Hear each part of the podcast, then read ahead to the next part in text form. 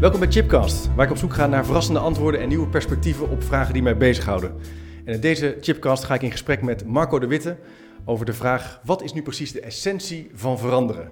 Een best wel grote, taaie vraag. Die gaan we proberen te ontrafelen en tot de essentie terug te brengen. Um, Marco, leuk dat je er bent. Welkom in de uitzending. Fijn dat ik hier mag zijn. Ja, dat, uh, ik, al enkele jaren ben ik bekend met je werk. Ik vind het heel leuk dat we daar nu wat uitgebreider over... Eindelijk. gaan. Eindelijk. Is goed, nu uh, de tijd. Voor degenen die jij nog niet kennen, uh, jij werkt al flink wat jaren als zelfstandig adviseur. Zeker. Je bent kerndocent verandermanagement bij diverse business schools. Onder andere AOG School of Management, TSM, Nijrode, de Erasmus Universiteit en het Erasmus Centrum voor Zorgbestuur. En jij legt in jouw vak als wetenschapper, als, als management consultant de brug tussen praktijk en theorie. Um, en ook wel het snijvak tussen taak en persoon. Hè? Uh, ja. Van hoe krijg je nou eigenlijk beweging in een organisatie? Wat zegt dat over jezelf? Ja. Um, het leuke was in de aanloop dat er heel veel vragen van luisteraars binnenkwamen uh, aan jou. Super. Dus dat is super. super. Hartstikke leuk. Die gaan we onder andere ook behandelen. Um, jij zei in de aanloop wel, ja, dat die essentie van veranderen, zo makkelijk is dat niet. Hè? Nee. nee. Is daar, hoe moeten we, waar, waar zouden we moeten beginnen als we dat veranderen in organisaties beter willen begrijpen, wat jou betreft? Ja, om maar uh, met een simpele vraag te beginnen, Chip.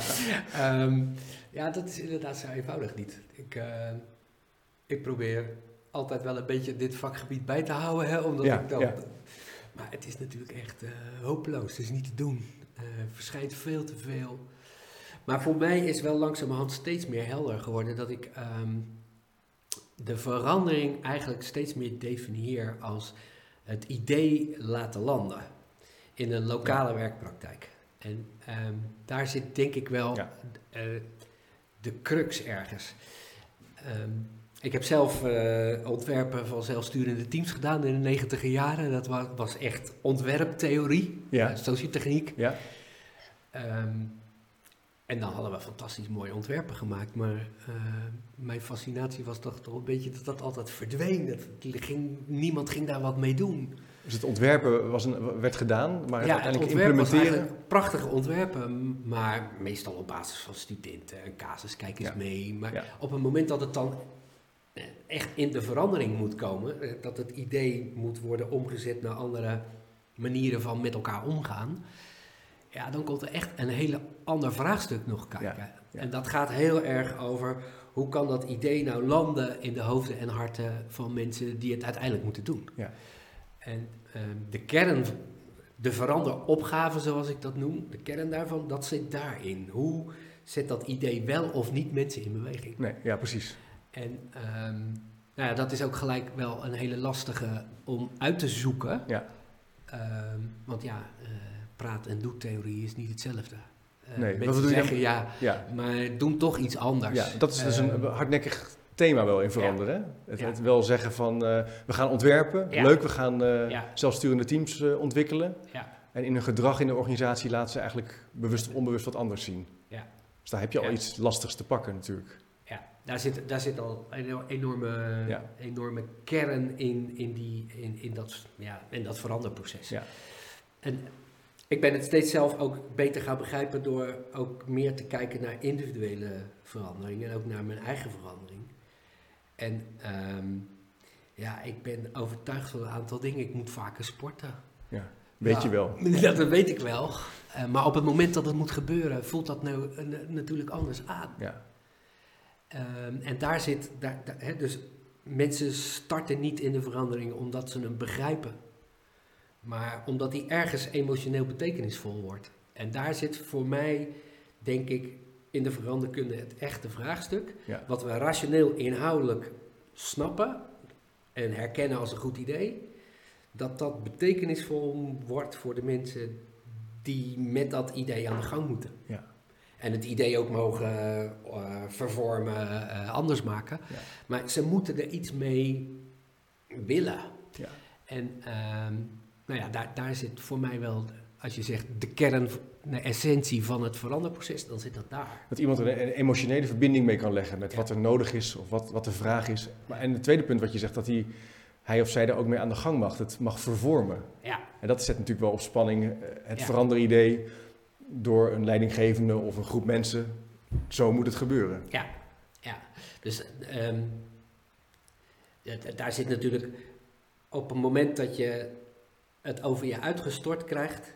Ja. En ik zeg altijd hoe hoger opgeleid, hoe eigenwijzer, en wij mogen het zeggen. Ja. Ja. Ehm, stuit het eigenwijs. Dus we laten ons niet vertellen hoe het in onze lokale werkpraktijk gaat. Dus ook al heb je een fantastisch mooi en goed ontwerp gemaakt, heb niet de illusie dat je in al die werkpraktijken kan kijken. En daar moet dat idee dus gaan landen. En ja, soms moet er een tikkie af, soms moet er nog een tikkie bij. Ja. Om het echt werkend te krijgen in die praktijk. Ja. En ehm, nou ja, dan, dan, eh, als dat niet mag, hè, als je er zelfs niks meer mee mag doen, ja, dan wordt het echt over je uitgestort. Ja. En dan geldt het oude mantra, mensen willen niet veranderd worden.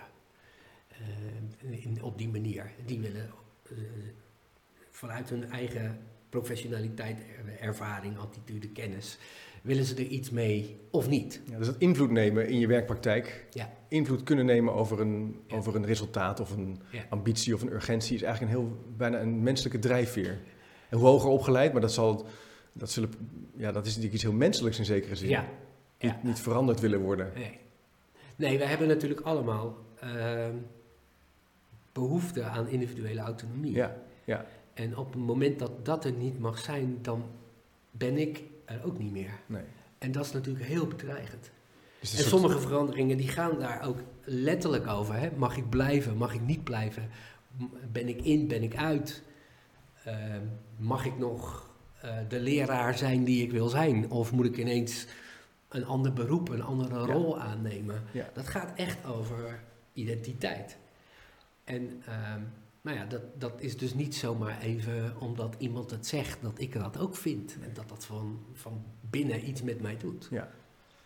Nee, dus het kan dus zo zijn dat je bij een structuurverandering in een organisatie of een nieuwe strategie eigenlijk als professional aan het denken bent, doe, mag ik nog wel meedoen straks? Ja, Doe ik er nog wat toe? ja. En dat speelt eigenlijk in die, in die onderstroom, bovenstroom een hele grote rol. Al- alleen al bij het idee, want Ja. je zou, zou, dat zou de eerste fase van een verandering kunnen zijn. Of in ieder geval dat je gaat nadenken over, is er een vraagstuk of een probleem? Hoe gaan we dat aanpakken? Ja. Hoe ziet het eruit? Dan heb je, dat is, dat is, daar begint het eigenlijk al. Ja, Ja. ja het, het, zit, het zit al in het, in, het, in het eerste moment. In het eerste moment, ja. Ja. Ja. En ja, en als je eh, kijkt naar eh, hoe wij bezig zijn om organisaties te verplatten, ehm, ja, dan hebben wij niet zo, misschien niet de ontwerpers altijd direct in de gaten. Maar in de, in de lokale werkpraktijk snapt men natuurlijk donders goed wat er gebeurt. Ja. En het gaat ook over mijn eigen plek. Ja. En ehm, nou ja, daar, dan gaat dat proces van in- en uitsluiten, dat gaat al gelijk gebeuren. Ja. Ja. Dus erbij horen of er niet bij horen. Ja, Waar Jitske Kraam ook over schrijft, het idee van de, die antropologie, die groepsvorming, speelt in, in die fase al natuurlijk. van een verandering. Ja, natuurlijk. Terwijl, dat is eigenlijk wel Kijk maar wat er gebeurt rond de kwartiermakers. Van. Als er iemand een Ja. kwartiermaker wordt aangesteld, wat er dan nog gebeurt. Ja, ja, dat, dat is zo'n plek, dat is zo'n plek waarvan je denkt, ja, daar, daar komen de overlevers bij elkaar. oh ja. Die, die staan op en Ja. die, die gaan het oppakken. Hartstikke goed. Maar dat, dat betekent ook dat anderen uitgesloten worden. Ja. Dus, En hoe ga je daar, dat is een lastig punt. Je kan het bijna niet voorkomen. Nee. Nee. Het vraagt ook wel vertrouwen misschien wel. Een Ja. punt van dat je het gevoel hebt van, nou, Marco, ik vind het fijn dat jij eh, dit, dit project gaat trekken. Ik vertrouw wel dat je hiermee aan de gang gaat. Ja. Dat gesprek voeren we natuurlijk ook niet altijd Nee. met elkaar. Een beetje die, die, meer die proceskant of die emotie, belevingskant. Ja. Ja, dat, eh, eh, Chip, dat is voor mij. ehm, in 2005 kwam John Cotter met The Heart of Change. Ja, ja, Ehm, en de man had toen allerlei filmpjes op zijn website briljant gemarket. En hij zei voor het eerst: see, feel, change. En dat heeft bij mij een heel erg proces aangezet in de zin van: ik moet, ehm, ik moet eens gaan onderzoeken ja, ehm, wat dat nou eigenlijk is, emotionele onderstroom. En is wel grappig, en ook een beetje gek. En Ik ben natuurlijk toch een beetje wetenschapper van origine, dus ik ging lezen over emoties. Ik heb boeken vol gelezen over emoties. Dat is een beetje een rare manier om over e- emoties iets meer te leren natuurlijk. Ehm, maar het werd me wel steeds meer duidelijk dat eigenlijk wij niet acteren op dat begrijpen, op het snappen. Dat is natuurlijk handig en dat is noodzakelijk. Een beter goed idee dan een slecht idee. Maar ergens moet ik er zelf een gevoel bij krijgen dat het van belang is. Dat het waardevol is, dat het betekenisvol is. En pas op dat moment ga ik met dat idee iets willen. Ja. En anders wordt het me opgelegd. En dat kan ook, maar dat betekent natuurlijk ook dat op het moment dat die druk weer verdwijnt, dat dan ook grote kans bestaat dat uh, een oude gedrag zich ook herstelt. Ja. Ja. Uh, ik ben zelf drie keer gereorganiseerd aan de universiteit. Aan, aan, aan het eind uh, kwam ik altijd weer in een collegezaal met studenten en het vak heette sociologie. En ik deed gewoon weer, wat ik altijd gedaan had, ja. ook al was de structuur anders. dus daar, het zit veel meer in van Um, en zeker als het gaat over gedragsveranderingen. We hebben het niet over uh, laten we een andere tafel, een ander uh, IT-systeem nee. invoeren. Um, maar als het echt gaat over gedragsverandering, dan betekent het dat ik er zelf iets mee moet hebben om mijn praktijken te verleggen. En um, nou ja, dat, dat doe ik eigenlijk alleen maar op het moment dat ik er een bepaald gevoel bij heb. Dan wel het gevoel van, als ik doe wat ik altijd deed, dan is dat niet meer goed genoeg. Daar ben ik niet tevreden meer over. Dan wel, het, ik zou zo graag willen dat. En dan komt de ambitie. Uh, en ik weet niet, uh, ik heb ooit eens een keer boven op een zwarte piste gestaan voor de allereerste keer. Ja. De meeste skiers die herinneren zich dat als een emotioneel moment. Ja, dat moet je willen leren. Ja, Want het is gewoon eng ook. Je bent, ja. De, de, de, leerangst uh, die kijkt je aan ja. als een grote, Ja. grote onbekende. En dan moet er iets zijn waardoor je zegt, ja, en toch ga ik over het randje. Ja. En toch ga ik het doen. Dus of de, het, het is volgens mij ook Iris die zegt, de overlevingsangst moet groter zijn dan de leerangst. Dus er moet iets zijn wat, wat je vooruit wil bewegen terwijl je die leerangst ziet. Um, en dat is wat Kotter in 2005 uh, gevoelde urgentie noemde. En toen begon ik pas te snappen, ah ja, wacht even, het gaat niet over de urgentie uit de analyse van omgeving, van concurrenten of Cijfers, whatever. ja. Cijfers. Kan helpen, maar... En, en natuurlijk, hart, de hartstikke belangrijk. Ja. Een goed verhaal moet een, ook een goede onderbouwing hebben. Maar het gaat over van, ga ik dat ook zelf voelen als iets waar ik niet omheen kan en waar ik iets mee wil. Ja. Zowel in het moeten, ik moet er iets mee, om, om whatever reason, of het willen. Dus eh, veranderkundigen pendelen in het, in het waarom, zoals ik dat noem. In de aanleiding voor de verandering altijd in dat mengsel van moeten en willen. Ja. Soms is het meer alleen moeten, soms is het alleen willen, maar meestal is het toch wel... Dus urgentie soort of mengsel. ambitie, zou je kunnen zeggen. Ja, En Ja. daartussen ben je aan het... ja, Ja, het is wel een mooie analogie naar, dat, naar, de, naar die piste dat je daar zo staat. ja, Dat is natuurlijk een hele spannende ervaring, helemaal voor het eerst. Dat Ja. voel je enorm. Je kan het analytisch benaderen. Je kan Ja. zeggen, ik heb geoefend. Ik, ben, Ja. ik, heb, ik heb helemaal op naar zwart. Maar je, uiteindelijk moet je wel gaan. ja. ja. Je, ben, je bent er klaar voor. Je bent er klaar voor. Je hebt 's morgens aan het ontbijt heb je op de kaart gekeken. Ja, daar, daar gaan we naartoe. naartoe. Dat is een goed idee. Maar als je daar boven staat, denk Is het je... heel anders. "Eh, dat is een goed idee. Ja. Ja, dat is een goed idee. Maar, eh, maar nu komt het erop aan. Ik moet En denken... dat is natuurlijk ook... ehm, eh, ik deed een traject in, eh, in een ziekenhuis samen beslissen, shared decision making, waarop die arts zegt van ja, weet je, ik snap het concept, ik ben helemaal voor het concept, niemand is tegen het concept. Maar als ik met een, ehm, een leuke cliënt, een leuke patiënt zit, ja, eh, dan is het hartstikke leuk om over positieve gezondheid, over de kwaliteit van leven, wat zijn de scenario's, Ja. dan gaat het wel. Maar op het moment dat je met iemand zit die je niet zo makkelijk vindt en je zit onder tijdsdruk en er moet nog wat in die dag, eh, wat doe je dan? En, en die arts die bekende, en dat vond ik echt wel een heel mooi moment, die zei, ja weet je, dan is het ook wel heel makkelijk om weer je pen te pakken en te zeggen, ik heb goed naar u geluisterd. Dit is echt Dit het beste voor u. Hoppa. Het is eigenlijk als die zwarte piste. Je moet dan door. En dan dus een andere vraag stellen. En een ander soort gesprek.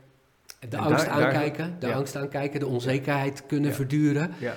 Ja, en dat zijn allemaal dingen die wij op natuurlijk onze eigen manieren doen. ja. Dus ehm, Dus het- in die zin is het veranderen ontzettend spannend. Want er zijn heel veel momenten of kleine situaties waarin je kan terugvallen in dat oude gedrag. ja, En dit is, dit, we hebben het nu eigenlijk pas over de beginfase. ja, Dus je bent Ja. na aan het nadenken over er moet iets of je wil iets als Ja. organisatie. Ja. Er is een nieuwe, hè, de klant verandert of er is een, eh, nou, we willen gezamenlijk met de patiënt een, een besluit nemen. Ja. We willen een andere vorm van onderwijs inrichten. Eh, hoe gaan we dat eigenlijk aanpakken? En dan heb je hier al het punt van, gaan mensen meedoen? ja, Kunnen ze zich emotioneel en mogen ze zich emotioneel relateren? ja. Ja. Eh, En, dat, en, dat, en je ziet dat daar in de veranderkunde de afgelopen jaren enorm veel meer aandacht Ja, voor is dan nou ja, toen ik uh, 25 jaar geleden in het vak begon. Ja. Dus ehm, er zijn heel veel opvattingen over de onderstroom. er zijn heel veel opvattingen over hoe je met emoties kunt werken. Um, nou kom je ook in de psychologie terecht, niet mijn vak. Ik ben socioloog van origine, maar en in de psychologie zie je enorm veel aandacht. Hè, de, de, de, leergangen psychologie in organisaties. Ja, uh, en dat is eigenlijk allemaal van de laatste jaren. En ik vermoed, uh, ja, ik voel zelf aan dat dat vooral te maken heeft hiermee. Ja. Want hoe neem je mensen emotioneel mee? Ja. Uh, Wat ik wel het gevoel bij die psychologie kant, je ziet het ook in het onderwijs heel sterk. Hè? Cognitieve wetenschappers die onderbouwingen doen wanneer, hoe kinderen leren bijvoorbeeld, die dat helemaal kunnen uitstippelen. Maar er zit ook weer, soms ook weer een vorm van controle achter. Dat we als het ware helemaal willen weten hoe het zit. Zodat we dan toch op de oude manier die kinderen heel effectief kunnen volproppen met nou ja, ja. kennis. Als ja, en dat is in de veranderkunde natuurlijk dat is ook zo. En, en, en, en te snappen hoe het brein zit. zo van, eh, dan kunnen we... Dan, dan kunnen we nog beter. Ja. Uh, maar er zit onder, want als je daar iets verder kijkt, daarachter zit er eigenlijk een, meer een emancipatieachtig vraagstuk van hoe kunnen, we mensen, hoe kunnen mensen meedoen? Hoe kunnen ze aangesloten blijven? Invloed nemen op hun werk? En dat is de zoektocht. Ja. Ja, waar we, dat, waar dat we momenteel dat, in zitten. Dat zintgevingsproces waar we maatschappelijk in zitten, maar wat je in veranderprocessen natuurlijk enorm ook uh, aan de orde is. In elke verandering weer. Ja, leuk, boeien. En um, uh, nou zijn we pas begonnen hè, bij ja, uh, Maar als we nou eens kijken naar die um, veranderen in, tot de essentie terugbrengen denk dat misschien kan het helpen om een aantal kapstokken te, even te pakken. Bijvoorbeeld het waarom, het wat, het hoe, het wie en, en ikzelf. Ja, bekende trits. Ja, dus die trits waar jij... Uh, ja. Uh, misschien nou ja, dat, zijn, dat zijn voor ons de vier kernvragen van de veranderkunde. Ja. En uh, Kilian heeft daar nog een vijfde bij, hè, waartoe, ook prima. Die zit bij ons in het waarom. Maar dat zijn zo'n beetje de kernvragen die elke veranderkundige stelt. In verschillende volgorde, in, met, met, met verschillende visies daarachter. Ja. Maar... Um, het werd mij steeds, het werd ons, met Jan Jonker geschreven, ja. Ehm, steeds duidelijker dat wij elke keer bij elke casus dezelfde vraag stelden. En de eerste vraag is natuurlijk waarom, nut en noodzaak van de verandering. Waarom gaan we dit aan en waarom nu? Want ja, in heel veel gevallen heeft het probleem zich al tien jaar, vijf jaar voorgedaan. Waarom dan vandaag anders? Waarom, nou, dat is een goede vraag, ja. Waarom, waarom ga je, nou, ja. waarom ga je dat nu anders doen? Ja. Waar heb je dan nu zo ineens last van? Waarom waardeer je het nu anders? Um, en die waarom-vraag die eindigt met: oké, als we dit probleem dan herkennen, hoe zouden we dan eraan willen werken? Dat noemen wij de richting, de gedroomde bestemming. Nou ja, je kent al de uitspraak: stip op de horizon, finish, foto, hoe je het ook noemt. Hè, maar het, gaat moet er wel zijn. Er moet iets en, er moet natuurlijk een, een track, een, een, een, een idee zijn wat trekkracht heeft, wat energie geeft, wat spannend is. Uh, waarvan je het gevoel hebt dat dat waarde creëert voor maatschappij, voor de patiënt, de burger, voor die klant. Ook voor de organisatie en ook voor je team, voor je collega's, voor jezelf.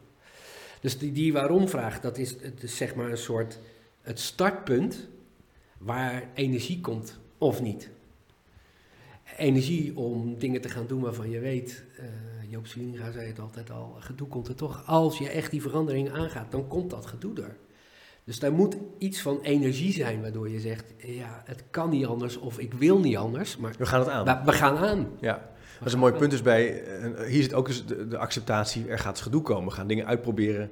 We gaan misschien klanten teleurstellen, omdat we, en dit zie je natuurlijk in veel organisaties al terug, nou, doe dat vooral niet. Hè? we moeten proberen. dus jij zegt van, dat moet je al wel naar, nu, naar, dat, naar die eerste fase halen snappen dat, dat, een, dat er consequenties zijn aan, aan het werken aan, ja, ik, aan die trekkracht. In mijn, mijn presentaties zeg ik altijd, uh, als je het waarom uh, verkend hebt met elkaar, dan weet je ook dat er bepaalde gedragspatronen nu zijn die daar niet zich mee verhouden.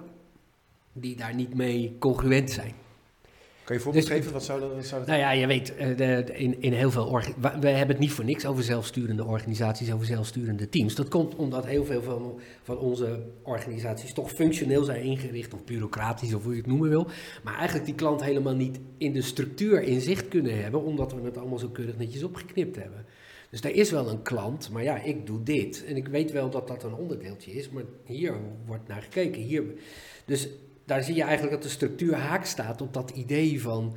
kunnen we nou met elkaar eigenaarschap nemen voor een klantengroep? Dat kan helemaal niet. Die structuur past daar helemaal niet bij. Dat is niet congruent. En je weet, als we daarover gaan beginnen, dat wordt gedoe. Ja, precies. Zo, En ja, wat nog ja. los van het structuurontwerp, daar zit ook eh, macht onder Ja. mensen die eh, het nu voor het zeggen hebben en misschien dadelijk niet meer. Belangen, routines. Belangen, van alles. Ja. Van alles. Ja. Ja, precies. Dus daar en, heb je al... en, en ook emoties. En eh, eh, eh, ja, da- da- daar, zit van alles onder wat, waarvan je weet. En wat ik het mooie van zo'n idee vind, is dat dat eigenlijk een beetje boven de werkelijkheid uitstijgt van alle dag. Want dan kan je wat langer wegkijken. Dan kan je wel trend zien van aan welke kant gaan we nou op? Waar welke kant gaat nou die wereld op? Eh, Wat gebeurt er met digitalisering, robotisering en al die dingen? Eh, Dus dat is de, het mooie van dat idee. Maar tegelijkertijd weet je hoe mooi je dit maakt. Hoe, je droomt alleen van de dingen die je niet hebt, hè? dus ja, je droomt van de dingen waarvan je weet dat de patronen eigenlijk op dit moment Er zit een soort zijn. spanning tussen. En daar ontstaat gelijk al spanning. Ja, ja, ja. ja, ja. En wij, wij hebben daarom ook, ehm, eh, daar ben ik eigenlijk wel steeds meer van overtuigd, dat veranderkundigen zijn het over alles oneens.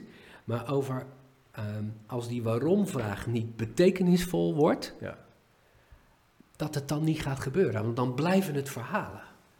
En ehm, vooral ook verhalen waar niemand tegen kan zijn. De, eh, Ja, klantgericht werk is zo'n verhaal. Klinkt prachtig. circulaire economie, Ook super. fant- fant- Ja. fantastisch, niemand tegen. Operational excellence, niemand tegen. Nee. Leerlinggericht onderwijs, niemand tegen. Eh patiëntenregie in de zorg, niemand tegen. Dus je moet het eigenlijk uit, vanuit die, uit die werkpraktijk moet je het betekenis gaan geven. Je moet die En, mensen, en, en collega's al, bij- die, en, en Dat al je- die concepten die moeten daar in die Ja. lokale praktijk van die afdeling, met Ja. dat verleden, met die Ja. mensen, Ja, eh, ja, daar moet het betekenisvol worden. Daar moet het worden een, een, een dialoog worden over hoe gaan wij dat idee dan hier handen en voeten dat is geven. eigenlijk de belangrijkste interventie op die je kan doen om dat gesprek aan te gaan met elkaar. Zelfs als er tegenstellingen zijn, dan kun je zeggen, Ja. ja, dat zijn dus de tegenstellingen. Ja, Die kan je ook weer Ja. in het licht zetten ja. om, om aan het idee te ja, werken. die heb je zelfs heb je nodig. nodig. Die heb je zelfs Ja. nodig om te verkennen van wat betekent dit idee nou wel en, en, en Ja. niet. Hè? Ja. En ehm, de dialoog is belangrijk, maar ik raak er ook steeds meer van overtuigd dat het klinkt raar. eh, Twintig jaar geleden zou ik het echt niet hebben durven zeggen. Maar door het te doen ga je ontdekken wat je hebt bedacht. Ja. Door het te doen kom je tegen van, oh maar wacht even, dan moet ik eerst met jou afstemmen en niet eh, zoals altijd daar. Nee, dan moeten we dit, of dan moeten we dit zelf even oppakken. En dan zouden we dat informatiesysteem op een andere manier moeten gaan gebruiken. Door het te doen ga je pas ontdekken wat er allemaal bij komt kijken om dat idee te laten Maar dat is het punt waar jij het net ook over die leerervaring. Leren is natuurlijk gebaat bij het ervaren, het uitproberen. Dat Ja. is eigenlijk pas wanneer iets Ja. kennis wordt. Dus je zegt eigenlijk van die visie, die stip of hoe je het ook wil noemen, die laat je met al die ervaringen uit Ja. je praktijk. En je probeert iets uit, je probeert data te genereren, reflectie of van hé, hey, Ja. waar zit nou eigenlijk het, het lastige en het taaie? Ja, voor jou, voor deze afdeling, voor, Voor deze team, ja. ja, voor, voor de lokale werkpraktijk. Ja. En, en de grap is, en, en daar, daar begint al gelijk heel veel in de dynamiek. In die lokale werkpraktijken zijn natuurlijk patronen ontstaan, niet voor niks. Ze werken. Ja. Tot op de dag van vandaag. Ja. En dan kunnen wij dan eh, bovenover naar beneden kijken zeggen, niet efficiënt of min- min- misschien de kwaliteit die we zouden wensen. Dat is misschien Maar dat is waar. een heel belangrijk punt. Zegt eigenlijk, die patronen hebben, hebben functie, ze hebben gewerkt. Ja. Terwijl de meeste... ja. De Cultuur is het succes van het verleden. Ja. Dus die patronen die zijn er omdat ze in het Ja. verleden werkten. Dus stop met het oordeel. Want vaak zijn initiatiefnemers van veranderen al wat verder. Die vinden dan al die patronen, ja, Ja. daar moeten we vanaf. Dat is niet goed. En jij zegt echt, nee, wacht even. dat is heel gevaarlijk om dat op die manier te zeggen, want daarmee disqualificeer je hoe ik dacht zelf waarde te creëren voor mijn cliënten. Dus En als jij dan zomaar even zegt, goh, we hebben er eens over nagedacht, maar dat deugt niet meer, Nee, dan gebeurt er wel iets met mij. Dan hebben we het over die emotiekant. Dan, ben je eigenlijk al, dan loop je eigenlijk al de kamer uit. En daar hebben we het ook gelijk over identiteit. Ja. Dus jij Dus- zegt tegen mij dat ik, hoe ik het jaar heb gedaan niet goed is. Dat, dat, ga je dat echt beweren? Ja. ja. En Dus dan komen we gelijk in een ja-nee spel, weet je wel, wel eens niet dus. Terwijl ik denk van, nou, eh, het gaat veel meer over, eh, die patronen die zijn er, die zijn functioneel, die hebben waarde. Die kan je ook niet zomaar loslaten als er niet iets beters voor in de plaats komt. Dus dat moeten we juist gaan ontdekken. Mm, Gaat het, hoe gaat dat hier nou anders? Hoe gaat het dan beter? En, en wat voor termen eh, efficiënter, effectiever? Ehm, maar dat moet ik gaan herkennen, ervaren. En door dat te doen ga ik ook steeds meer denken van goed idee. Ja. Dus vroeger dacht ik, een goede analyse, ga je anders denken, ga je anders gedragen.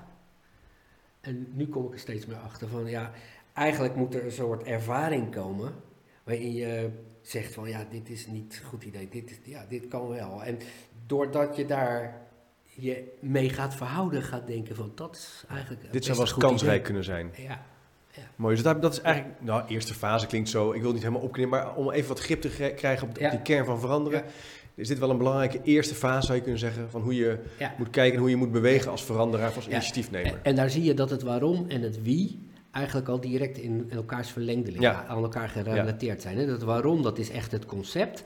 Maar dat concept dat moet landen bij die mensen in, in handen en hoofden. Dus je moet ook gelijk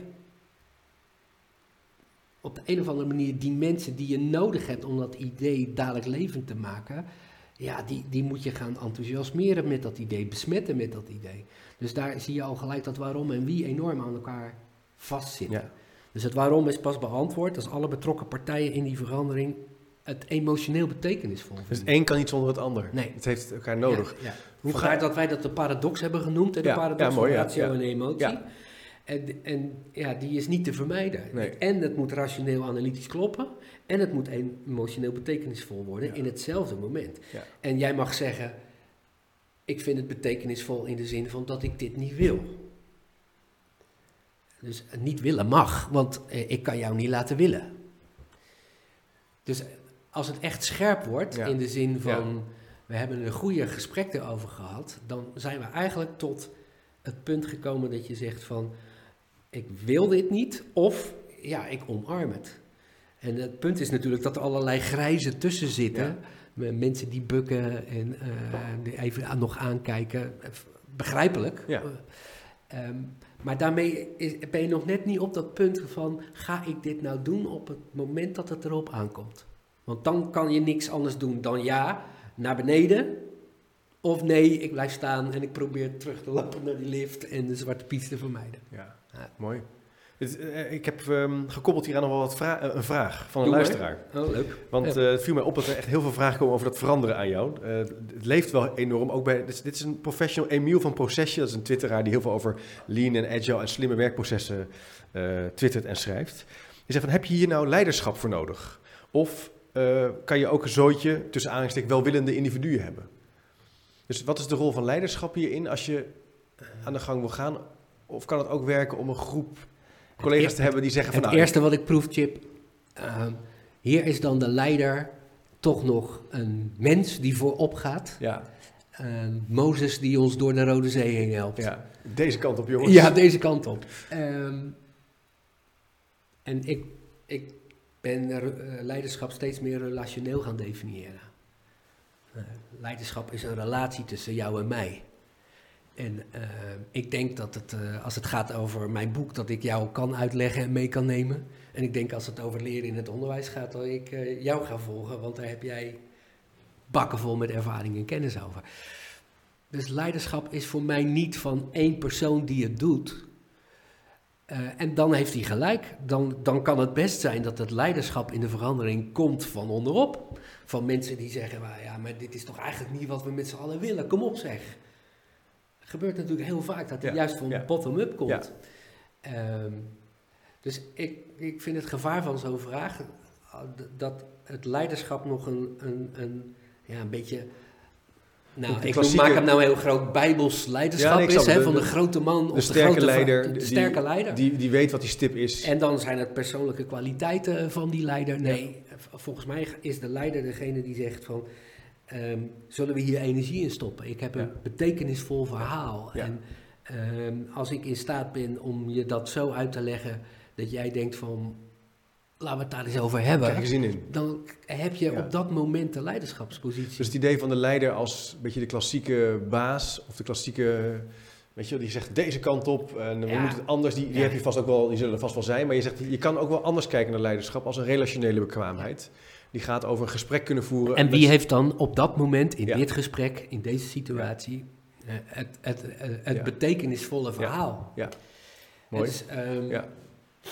ja, dat, eh, Dus die bekwaamheid heb je ook wel nodig. Gespreid leiderschap, verbindend leiderschap. eh, Ja, daar zijn er heel veel termen voor. of- of voor. Maar waar het mij veel meer over gaat, is dan ja, die, die energie voor die verandering, die kan overal vandaan komen. Ja. En die kan ook in de, in de, in de leefwereld, uh, in de lokale werkpraktijk beginnen. Ja. Doordat mensen zeggen, ja, maar de, de, manier waarop wij hier cliënten behandelen, patiënten behandelen, is toch niet wat we willen? Nee. Willen we toch niet in zo'n zaaltje, zo je allereerst eens schilderen? Dat gebeurt gewoon. Ja. En um, Ja, dat noem ik leiderschap. Dat, gebeurt, dat is aan het gebeuren. De vraag is, kan je, het, kan je, als je dan formeel een formele leiderschapspositie hebt, kan je dat groter maken? Ja. En verbinden aan jouw beweging. Dat zijn natuurlijk Ja. Maar dat, dat is dus wel een andere. Het is, het is wel spannend dat we daarmee leiderschap wel anders zijn gaan, voor- gaan zien de afgelopen jaren. Het is niet meer dat idee van Ja. ik bepaal wat er nodig En is. dat heeft voor mij veel, mee, veel te maken met het feit dat onze eh, gedroomde bestemmingen, onze B, hè, van A naar B, Ja, dat doen we toch zo graag in veranderen, dat die B minder concreet is geworden. Ja. Ja. Hè, dus op het moment dat we het hebben over structuurwijzigingen, over reorganisaties, over projecten, dan kan je die B nog redelijk helder definiëren. En dan kan je ook nog wel voorop gaan in het denken daarover. Maar op het moment dat onze veranderopgaves diffuser worden, en dat begint al bij ander gedrag, andere cultuur. eh, en laat staan als het gaat over systeemveranderingen, waar we middenin zitten, het hele systeem van onderwijs en de zorg ter discussie staat. Ja, dan is het niet meer zo makkelijk om zo'n hele scherpe B te hebben. En dan is het ook niet meer zo makkelijk om daar eh, zomaar te zeggen van ik snap het, ik weet hoe het zit, daar moeten we naartoe. En dan moet je dus eigenlijk veel meer met elkaar in dialoog, in gesprek, in Ja. analyse gezamenlijk zeggen van waar gaat dit over? Wat, is, wat zijn de aankomende maanden kansrijke Wat, zijn, thema's? wat, wat is in de trage vraag het korte termijn veranderresultaat? Dat is hoe Dus de trage vraag is de grote, is de grote, grote beweging. Ja. En ja, soms eh de casussen zijn bijdragen, stappen Ja. in dat grote verhaal wat we maatschappelijk met, met elkaar maken. Raken we hier ook al een beetje het wat aan eh, hiermee? Als je kijkt naar, naar, Nou ja, naar die, wat je- naar die- Het wat gaat eigenlijk heel erg over de huidige organisatieinrichting en de patronen die daar zijn. ja, Ehm, en nou, wij hebben het in ons boek makkelijk gemaakt. Eh, je- je- er zijn natuurlijk ongelooflijk veel organisatiediagnosemodellen. Wij hebben structuur, technologie, mensen en cultuur als vier knoppen genomen om die, nou, om die configuratie een beetje uit elkaar te... Maar het belangrijkste is dat je eigenlijk als het ware probeert waar te nemen. Wat zijn nou de patronen die verhinderen dat het de gedroomde bestemming kan komen? kan je een voorbeeld geven van, van, van zoiets? Van, Nou ja, we, waren er net al, Ja. in de zin van uh, we dromen dat uh, cliënten veel meer in de regie komen. Ja. Ja. dan moeten we iets met de structuur, dan moeten we misschien ook wel iets met de technologie, want uh, um, een klant kan nog niet eens een afspraak maken in een huisarts uh, of een uh, specialistenagenda, want dat is allemaal technisch soms moeilijk. Um, ja, we kunnen wel dromen dat we patiënten in de regie zetten, maar dan hebben we toch ook als huisartsen wel te leren hoe we een goed gesprek met een patiënt voeren. Dat, Mooi, zo daar heeft de afgelopen jaren natuurlijk enorm veel in geïnvesteerd. Ja, ja. Als je ziet hoe in dat curriculum naar communicatie veel belangrijke rol is gaan, dit is een mooi bewijs daarvan. Dus die patronen die kunnen haak staan op het idee. Ja. En, en die geven daardoor ook een soort richting aan van, behalve dat mooie idee, hoe je dat zou kunnen realiseren. He, door competentieontwikkeling, door inderdaad die cultuur te herdefiniëren. Ja, door dat analysekader kan je zien, oké, okay, we moeten meer hè, uh, ICT, we zouden Ja. een app moeten hebben, Ja, noem maar wat, of we zouden digitaal moeten werken, of gedrag, Ja. of uh, structuur, werktijden. je zou kunnen zeggen, het, het verwijst in ieder geval naar aspecten in de bovenstroom en in de onderstroom. Ja. Kan je nog even voor degene die nu denkt bovenstroom, onderstroom, wat, hoe, uh, dat nog even Oh. duiden? Uh, bovenstroom zijn natuurlijk de, de, de patronen die je kunt zien. ja, Al dan niet door structuur en systemen, door middelen, gereedschappen ehm, gemaakt. Die zijn min of meer tastbaar. Uh, op, de, op de onderstroom gaat het veel meer over ehm, emoties, innerlijke overtuigingen, Ja. over opvattingen, over hoe dingen horen. Die zitten in mij, in jou, als we in dezelfde organisatie zitten, in de organisatie. ja. En die zitten dus op die onderstroom en zijn daardoor veel minder makkelijk even aan te spreken. Uh, en zeker niet te veranderen. Nee. Dus het maakt veel uit of je in de wat-analyse uitkomt op we hebben een nieuwe app nodig, want Ja. dan kunnen wij veel sneller. Of je komt uit op potverdikkie, maar dan hebben we echt andere competenties te ontwikkelen met elkaar. Ja, dat is een vaardigheidsvraag. We kunnen dit nog niet, of hoe moet dit nou eigenlijk? Ja, Ja. precies. Ja, en dan, dan ja. kom je ook veranderkundig in een, ander, uh, in een andere aanpak. Ja. Want iets op structuur en technologie kan ik nog ontwerpen. Ja. Ik kan een nieuw Ja. systeem maken, die app die kunnen Kan je projectteam van maken, En, ja. je- en je weet ook ongeveer wat je nodig hebt om zo'n app te maken en die structuur te herdefiniëren. Dus dat, dat, dat is allemaal nog Ja. wel, ja, je, je zou kunnen zeggen, kansrijk. Ook al omdat we heel veel veranderingservaring in dit soort vraagstukken Ja. hebben. Ehm, dus dat is een andere aanpak dan wanneer je inderdaad zegt van ja, wij moeten leren om op een andere manier met, eh, met, met, met doelgroepen in contact te komen. We moeten leren op een andere manier met onze toeleveranciers samen te werken. We moeten die keten veel beter kunnen gaan organiseren. Dan kom je echt op punten waar we nog niet eerder zijn geweest. In het land waar we nog niet eerder zijn geweest. En daar moeten we naartoe ontwikkelen. En dan voel je wel, ja, dat, dat kan je dan ook niet zomaar ontwerpen. Nee. Nee. Ehm, dus gedrag moet je ontwikkelen. Ja. Ja. Eh, en ja, dan, dan komt er veel meer een, een, meer een lerende, ervarende beweging die je nodig Ja. hebt om daar te komen. Ja. En het gekke is, men, eh, met name daar moet je van A naar B op de manier van B. En ik weet dat dat heel raar klinkt, maar dat is precies waar, waarom, waarin die benadering de kern zit. Dat je zegt, ik wil naar B, maar als ik dat doe op de manieren zoals we dat altijd hebben gedaan, dan kom ik niet in B, dan kom ik in beta A. Dan heb Ja. ik nog keihard gedaan ook, hè, Ja. dat het beta Ja. A is geworden en niet slechter. Dus dan heb ik nog goed gedaan ook, maar dan ben je eigenlijk aan het optimaliseren, de performance verbeteren, versnellen, Bijschaven. bijschaven, hoekje eraf, een rondje erbij. Maar als je echt zegt van ja, maar in- dit hebben we te leren. We hebben te leren samenwerken met andere medewerkers uit andere organisaties, omdat het gaat over dezelfde cliëntgroep. Ja, dan voel je wel, dan, dan is er meer nodig. Dan moet je het samenwerken doen om te leren samenwerken. Ja. De consequentie van die uitspraak van A naar B op manier B is eigenlijk veel groter dan je, Waanzinnig. dan, dan je denkt Ja. als veranderaar of als je met een verandering in een organisatie Ja. bezig bent. We Dat hebben in ons boek ook zo'n zo'n grafiekje getekend over, en dat is een beetje eh, niet heel erg eh, wetenschappelijk onderbouwd. Eh, Thijs Homan heeft daar een paar mooie dingen op gedaan. Maar het verandervermogen van die- zo'n tweede orde verandering, zoals we dat noemen, Ja. is echt exponentieel anders dan de eerste Ja. orde verandering. Want Ja. in dat gebied ben je. Ja. Daar, daar moet het wel beter. Maar daar kan je wel bedenken wat beter is. Ja. Maar in het gebied van samenwerken in communities en platforms, Weten we niet. dat weten we Nee. niet. Dus dan moet je het doen en om te ontdekken van, ah, wacht even, hier gaat het over. Ja. Dus je moet B doen om B te worden, terwijl je A bent. Ja. En dat verandert dilemma, dat is... Ja, die is echt heel. Ik, ik kom het ook wel veel in mijn praktijk dan tegen. Ja, dat, dat- het gaat over klantgerichtheid of beter Ja. luisteren naar, eh, naar leerlingen Ja. op een school. En het hele schoolsysteem is eigenlijk totaal niet. De manier waarop het gebeurt is totaal niet ingericht op, de, op, dat, op dat uitgangspunt eigenlijk. We stoppen ze nog steeds in klassen met 34 Ja, en één docent ervoor. En, Bijvoorbeeld, als je, daar, eh, en als je daar afscheid van wil nemen, ja, dan moet je ook, zou je ook je teamoverleggen zo inrichten. Moet je Ja. ook je managementcyclus op die manier gaan benaderen. En dan wordt het natuurlijk, dan raak je weer belangen, dan raak je weer het waarom, hoe ver willen we dan wel gaan? Eh, Ja, of is het ook een en eh, modeterm? jij bent eh 30 en ik ben 60.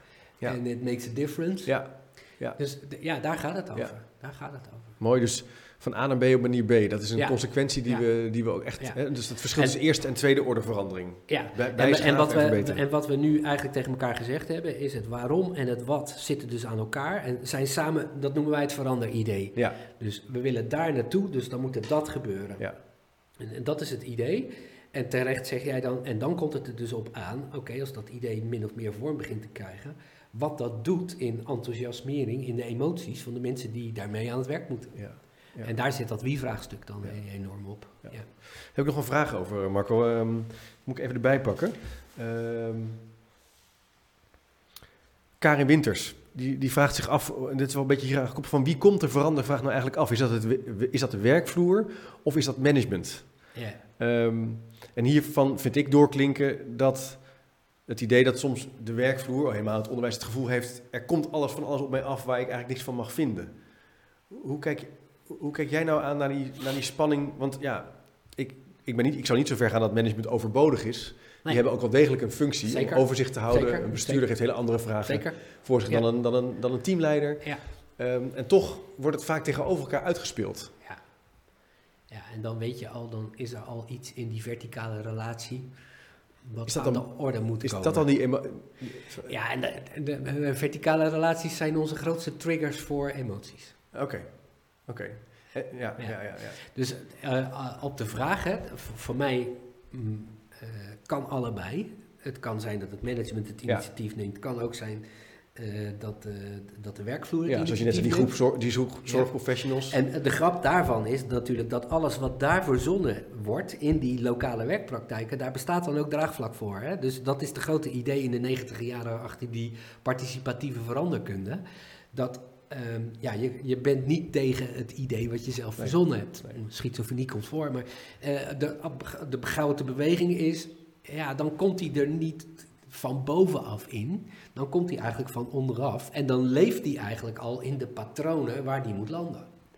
Dus um, er zijn ook heel veel veranderkundigen die, die, die zeggen van het moet bottom-up komen en je moet eigenlijk zo lang mogelijk onder de radar vliegen van dat management.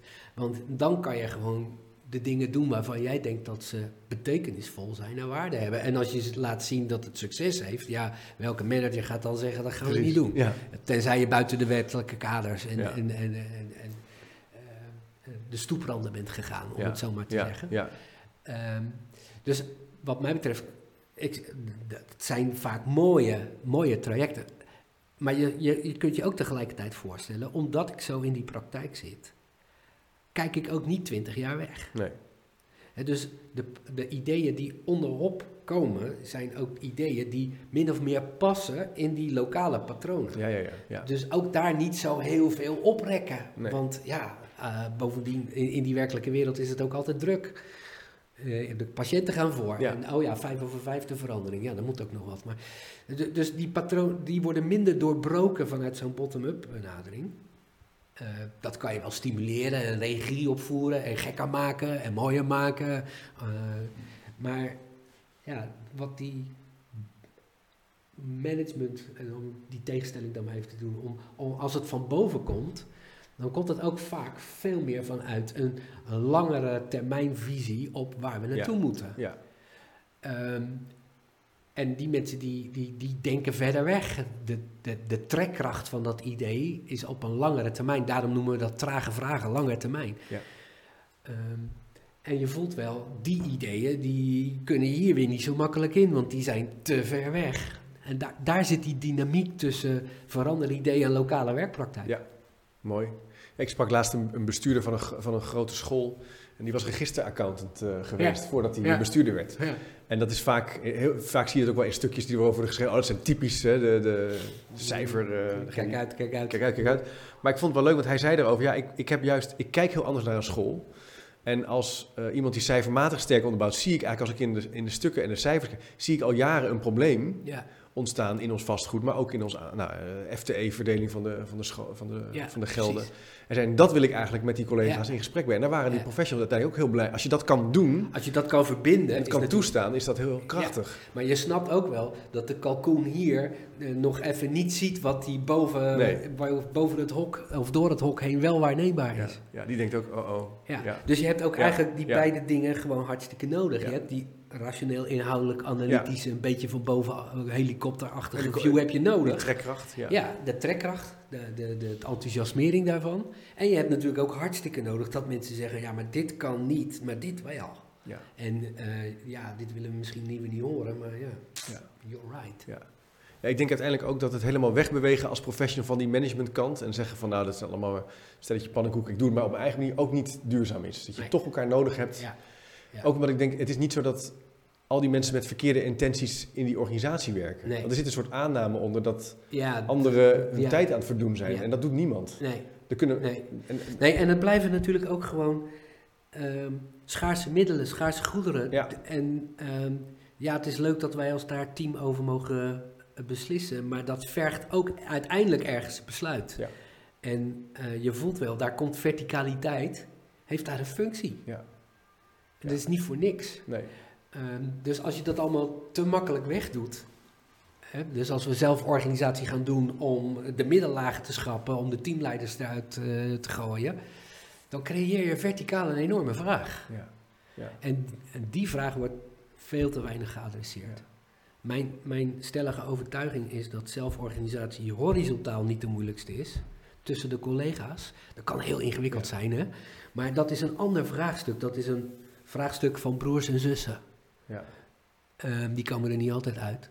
Nee, En dan is er verticaal iets Ja, Dan nodig. heb je iets nodig. Iets van structuur en organiseerkracht. Ja, en daar wordt het besluitvormingsmacht. Ja. want organisaties zijn uiteindelijk machtssystemen. En dat vinden wij als Nederlanders niet zo fijn. Ehm, dat vinden we allemaal een beetje eh, incorrect. Maar het zijn natuurlijk machtssystemen. We hebben besluitvormingsmacht georganiseerd in die structuur, in die besturingsstructuur. Ja. En dat heeft een functie. Heeft een functie. En eh, het is wel grappig, ik las van het weekend eh, eh, een boekje van eh, Janka Stoken over leiderschap. Ja, En eh, een van haar prachtige hoofdstukken gaat over de functie van dat middenkader. En die, die laat gewoon ook in cijfers de onderbouwing zien van ja, dat, dat, dat middenkader voegt echt iets toe. Dat kan de kwaliteit eh, Ja. van het systeem echt bevorderen. Maar dan moet het wel zijn werk kunnen doen. Ja. Ja. Dus de, de, ik, Mooi. kom er steeds meer achter dat, en dat is ook in organisaties heel veel, ik weet niet of je dat herkent, ehm, maar het lijkt wel of we in organisaties graag laag voor laag interveneren. Van beneden naar boven of van boven naar beneden. En wat we daarmee doen, er is alles voor te zeggen, hè? Er is, daar, die, die analyse kan ik ook maken. ja. Maar wat we daarmee doen is dat we de verticale relaties uit het systeem weglaten. En dan zeggen we, ja, die moeten dan na die trainingen eh, feedback geven, maar weer ergens met elkaar Met elkaar treffen. afstemmen of zo. Ja, die moeten ja. het dan maar weer, hè, want Ja. dat, is, dat, de lijnorganisatie. Maar je, je, de- de- eh, ik ben nu met een paar cliënten bezig om zeg maar het hele organisatie-eenheid van boven tot onder, van onder tot boven mee te nemen in een bijeenkomst. En dan heb je dus de verticaliteit in de kamer. En dan gebeuren er echt hele andere dingen, Ja. want dan kan je niet meer zeggen wij Nee, zijn. je kan niet weglopen. Nee, je kan niet weglopen, je, Je kan niet meer zeggen jullie zijn, eh, jullie zijn de schuld, jullie doen het niet goed. Nee, want dat moet dan gelijk hier worden uitgevochten, uitgeknokt. Ja. Ehm, en als je laag, laag, laag doet, ja, dan kan je nog heel lang eh, klagen over het management en over de raad van bestuur die het natuurlijk niet begrijpt. Maar als je het in de kamer brengt, in de, inclusief de verticaliteit, wordt, eh, weet ik, heel veel spannender. Maar het heeft ook heel veel meer impact Dat denk op, ik ook. op eh, het functioneren van, eh, van de afdeling, team, het systeem, hoe je het ook noemen wil. Ja, en je, zet al, je bent ook congruent met wat je wil. Als je Ja. die samenwerking wil verbeteren, zet ze er, je krijgt natuurlijk wel... Ik ben wel Het is dus B-gedrag om B Ja, te leren. precies, is en, en dat heb je dan gewoon in de kamer, in het moment. punt wat natuurlijk veel wordt gemaakt, of wat ik denk wat wel veel wordt gemaakt om dit niet te doen, is dat collega's zeggen, mensen moeten zich wel veilig voelen. Ja. Mensen moeten zich Ja. wel eh, vertrouwd voelen om zich uit te spreken. Ik kom zelfs wel eens bij eh, studiedagen of eh, trajecten waar managers zich niet participeren in teams. Zeggen nee, ik wil dat ze zich vrij kunnen uitspreken, wat ik altijd een hele gevaarlijke redenering vind. Ja. Ehm, Ja. Want je voelt, verticaal is hier een Daar is. Precies. En die zit niet, niet Die- boven tafel, maar die zit Nee. onder tafel. En die krijg ik er alleen maar uit op het moment dat het in het hier en nu zich Ja, voordoet. ja. Zeker als externe. Ja, absoluut. Als- Kijk, en als je, kijk, als je tien eh, leerkrachten bij elkaar zet over een nieuw kwalificatiedossier of tien zorgbehoeften, die komen er wel, wat je zegt, hè, broers en zussen, zullen misschien een beetje bakken leiden, maar ik denk dat ze 80% wel eruit komen. Tuurlijk, het zijn professionals. Hè? Ja. We hebben ze niet voor niks opgeleid en ze Nee. weten echt wel wat ze moeten doen.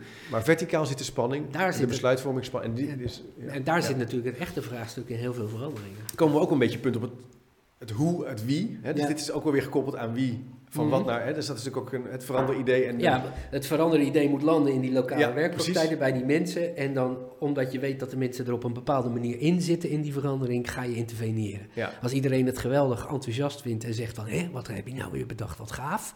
Ja, weet je, dan moet je andere dingen doen wanneer ze zeggen, nee, niet weer hè, dat gaan we toch niet weer doen. Dan moet je andere dingen doen. Ja, ja, ja. Dus de interventieaanpak is afhankelijk ook van hoe het in handen, hoofden en harten van mensen landt. ja. En het Er is niet één manier. Er is niet één... Nee, natuurlijk nee, niet. Nee, goed. Nee, nee er zelf, nou, ja, doe dat te makkelijk naar je, sorry. Nee, maar- Eh, maar gang. ehm, er is ook niet één veranderaanpak in de veranderkunde die beter is dan de andere. Hè? Want je kan nog steeds hartstikke goede ontwerpen maken voor ontwerpvraagstukken. Niks mis mee.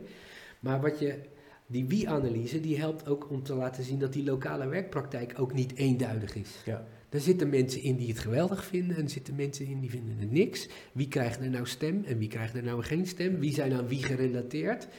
En dan snap je ook dat binnen wat de KLUW zei, één kleur aanpak, dat daar ook allerlei andere interventies bij horen, Ja. omdat die in die verschillende hoeken en gaten van die organisatie gewoon verschillend leeft. Ja, en met kleuren bedoel jij even het idee dat er een bepaalde opvatting is wat waar is en wat een dominante veranderaanpak is. Hè? De Ja. blauw in de stand van Ja. A, B, C, D, E, F. Precies. Ja. Geel politiek, Geel, ja, wit lekker laten ontstaan. ja. Hè? Alles groen moet- allemaal leren. allemaal en- leren. en- Dus er zijn verschillende van die, ja, je noemde Thijs Homan even, Petri-schaaltjes, Ja. praktijken, realiteiten eigenlijk. En ik heb van Thijs, Thijs heeft daar prachtige analysemethoden voor, maar mijn wie-analyse is heel erg geïnspireerd op zijn Petri-schaaltjes. Ja, Want eh, als je de mensen in, in relatie brengt in beeld, hè, dus wie, wie heeft contact met wie en wie zoeken elkaar nou altijd op, wie gaan altijd samen wandelen en eh, hebben het erover. Dat, dat, dat- dat zijn Petri-schaaltjes van betekenissen Ja. van verandering. Ja. Dus dat heeft mij enorm geholpen om Ja. die wie-analyse veel Ja, scherper te krijgen van eh, waar je op let en eh, hoe je, naar, Ja. waar je naar kijkt. Ik zal ook in de speaker notes even een link opnemen naar het eh, werk van Thijs. Dat we Ja, je even zeker doen. Ja, en en het doen. veranderidee natuurlijk, maar dat Ja. kom ik zo maar goed, dan, dan moet je ook links nemen naar Lijken van Os en Arend Ja, en al die ja. andere die mensen die, nog, hier gesproken hebt. hè? Arend is in de uitzending geweest en Lijken komt in november in de over, over macht en systemen. Ja, Waar zij natuurlijk ook veel mee bezig Ja. is. En waar je merkt macht wel... en onmacht is echt hun thema op het ja, moment. Hè? ja, het is heel boeiend, dus dat, eh, daar gaan we Ja. nog wel bij, bij stilstaan. Ja. Ehm, nou, zo beginnen we wel langs dat, ver- eh, op hoofdlijnen, Ja. naar dat veranderen te kijken. Ja. Het waarom, het wat, het hoe, het wie, het ik. Ehm, hebben we hiermee... Ja, hoe is... hebben we wel wat gezegd over hoe? Ja, hoe gaat eigenlijk over, eh, oké, als ik nou weet hoe het idee Ja. mensen wel of niet, wat ga ik dan doen? Wat Ja. is dan mijn veranderaanpak? Ja. En het eerste vraagstuk in het hoe is van welke orde is het vraagstuk? Ja. En de tweede is welke benadering past dan in die orde? Want in een ontwerpvraagstuk doe je andere dingen dan in een ontwikkelvraagstuk. Ja. En hoe ga je dan een plannetje maken? Eh, ik ben niet van de interventieplannen tot 2025, maar wel een soort planvorming in je hoofd van Ja. en hoe gaan we dan de eerste stappen zetten? Dus even het punt van die orde. Hè. Laten we toch heel even dat wat explicieter maken. Ja. Eh, als een luisteraar nu denkt van... oké, ik ben met de verandering bezig.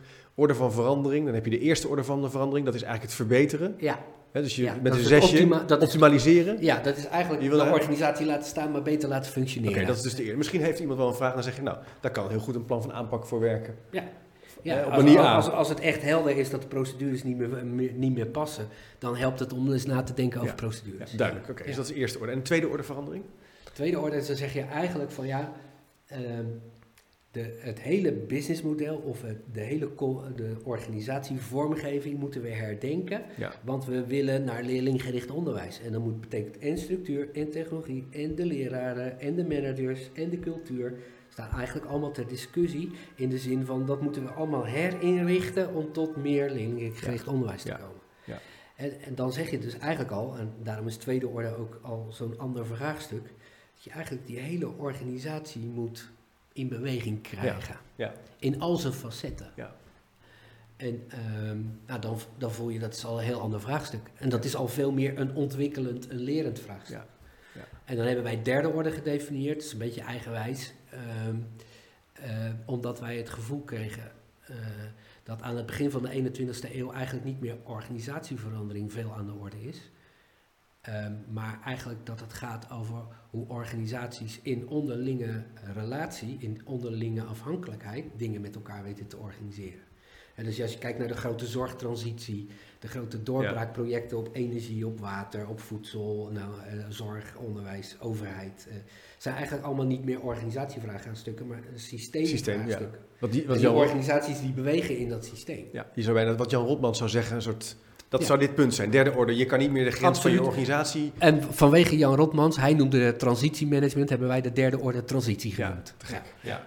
Dus dat vraagt ook een hele andere, bijna een ander idee om te kijken naar winst en verlies. Ja, naar absoluut. verantwoordelijkheid, risico nemen, naar ondernemen. Een macht en tegenmacht. Macht, tegenmacht, dat is echt wel... Institutionele belangen. Ja. Ja, absoluut. Ja.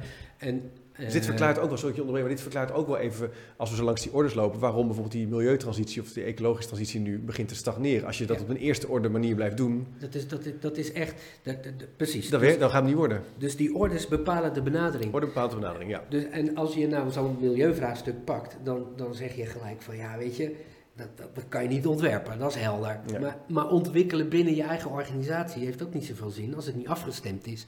Hè, we zijn, eh, hebben het over zorgketens. Ja, dan moeten al die systemen met elkaar kunnen communiceren. Dat doen ze niet. Oké, vraagstuk. Eh, maar ja, vervolgens moeten we ook met elkaar eens kijken. als professionals, wat past er nou bij die cliënt? Trouwens, wat wil die cliënt?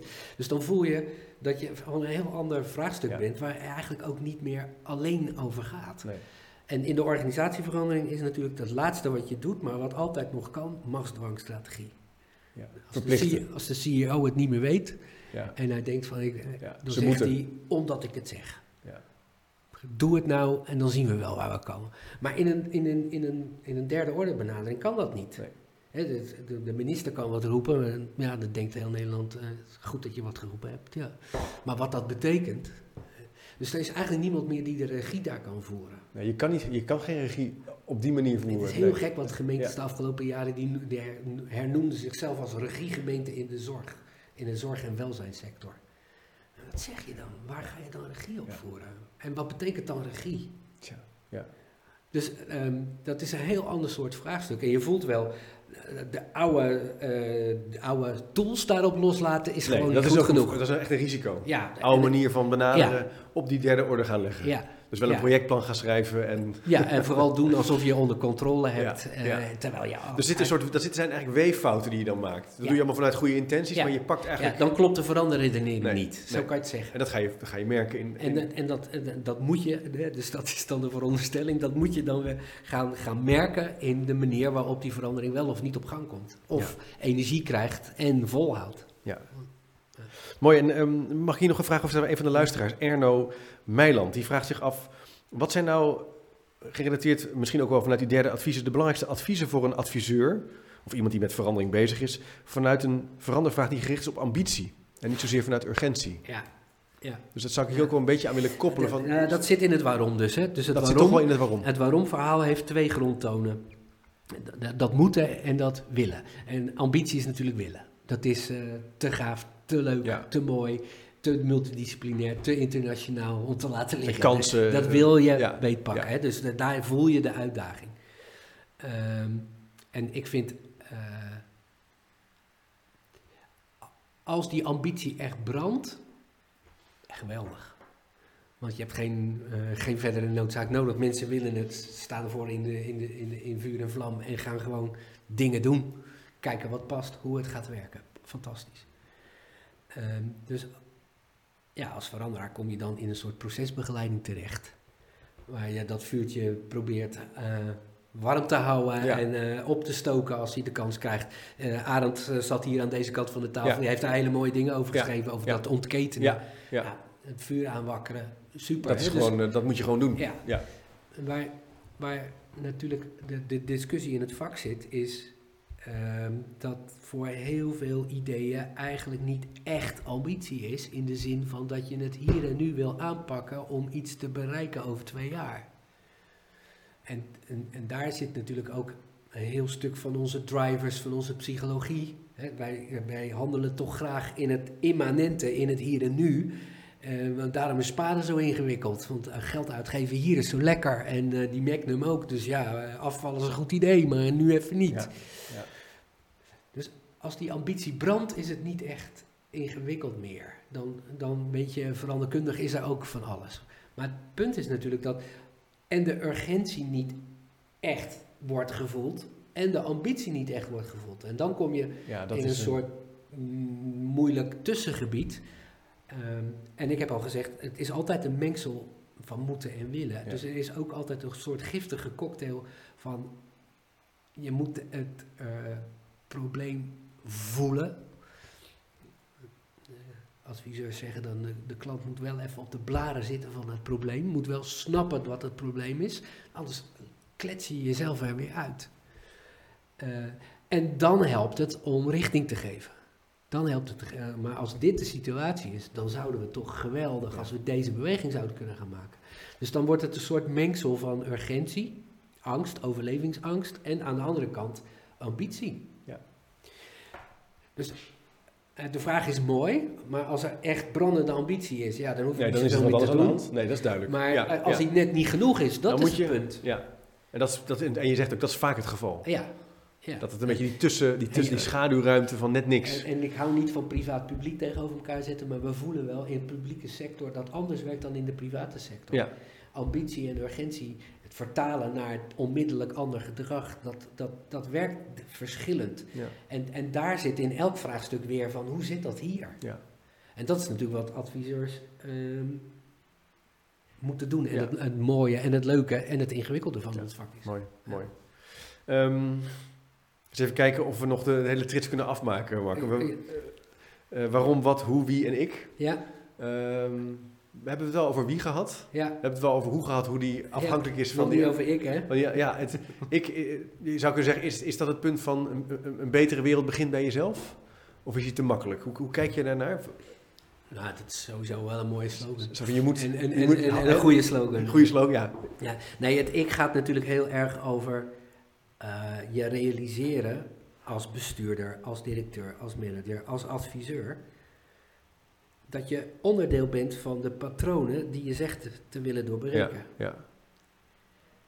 En dan moet je je dus ook afvragen welke van mijn patronen, van hoe ik me gedraag in deze vergadering met deze collega's, hoe ik praat over de andere afdeling waar we zo graag mee willen samenwerken.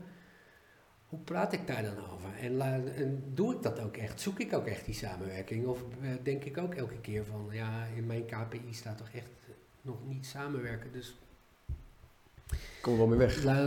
Dus het, bij het ik gaat het mij over de persoon van degene die in verandering is, de veranderaar. En dat je voor jezelf een analyse maakt van, ja, wat doet die verandering nou met mij? Ja. Ook op mijn emotionele niveau, op mijn onderstroom. Dus jezelf, op de, hè, zoals Arend eh, in die uitzending zei, jezelf op de foto zetten. Naar Ja, jezelf, absoluut. je eigen gedrag kijken. Ja, naar je eigen Als, het gedrag daar, als je daar niet, als je dat weer niet wil, Nou ja, wat, wat je natuurlijk ziet, ehm, veranderingen maken het spannend. En als het spannend wordt, dan gaan wij ons gedragen naar onze diepste structuren. Onze diepste verdedigingsstructuren uit het verleden, die we daar geleerd hebben. Ehm, dus ja, je weet, met die verandering wordt het spannend. Kom ik ook in die basispatronen terecht. Dus allereerst, hartstikke goed om voor veranderaars, adviseurs, om zich bewuster te worden van je onbewuste patronen. Ja, dat is nog wel een dingetje Ja, hoor, wat je nou bewust van je onbewuste dat die weet ze niet. En, en, en daar, daar- ja, dan moet je jezelf dus in de reflectie nemen. Ja. Eh, Red Hawk heeft een mooi boek geschreven, de titel Zelfobservatie, geweldig. Ja, dus echt ehm, ja, meedogenloos naar jezelf kijken. Hoe doe ik dat nou? Wat ervaar ik daar nou in? En waar blokkeer ik dan zelf? Ja. Het kan niet anders dat dat er is. Ja, het moet wel. Moet wel. Ja. Want als, Als je, het spannend wordt, dan heb je elke keer de, de neiging om het oude gedrag te herhalen. Ja. Ook, eh, ehm, en dan, dan komen we in een soort overdracht. Dus die ik, die komt ook eigenlijk dan ineens tegen dat die klus, de taak, het werk, eh, dingen van hem vraagt. Waar je zelf op uitgaat of o- op in trance van raakt of emotioneel van wordt en zegt, potverdorie, dat Ja. gebeurt me weer. Ja. En dan komen eigenlijk oude patronen in die situatie hier en nu. De psychologen noemen dat overdracht. En dan herhalen we oude patronen, ook als ze hier eigenlijk niet zo aan de orde zijn. Ja. Dat merk je wel eens als je met mensen in gesprek zijn, dat ze soms reageren en dan denk je, dat is veel te veel voor wat er nou hier Ja. is. Ja. Er komt iets, Het is niet nodig. iets van achter daar nog ja, vandaan waarvan je denkt, nou het ligt hier op tafel, maar ging het er nou Je over? krijgt het erbij in één keer. Ja, En dat zijn aanwijzingen dat iemand... ja dat, het is een teken van overdracht. Het teken- je zegt van. Bij dat ik... Het is best wel een uitgebreid groot thema. Ik weet niet, maar goed. Dit is een heel groot thema, Ja. want dit gaat over het persoonlijk leiderschap. Ja, precies. En daar is natuurlijk ook weer een vakgebied Ja. over vol.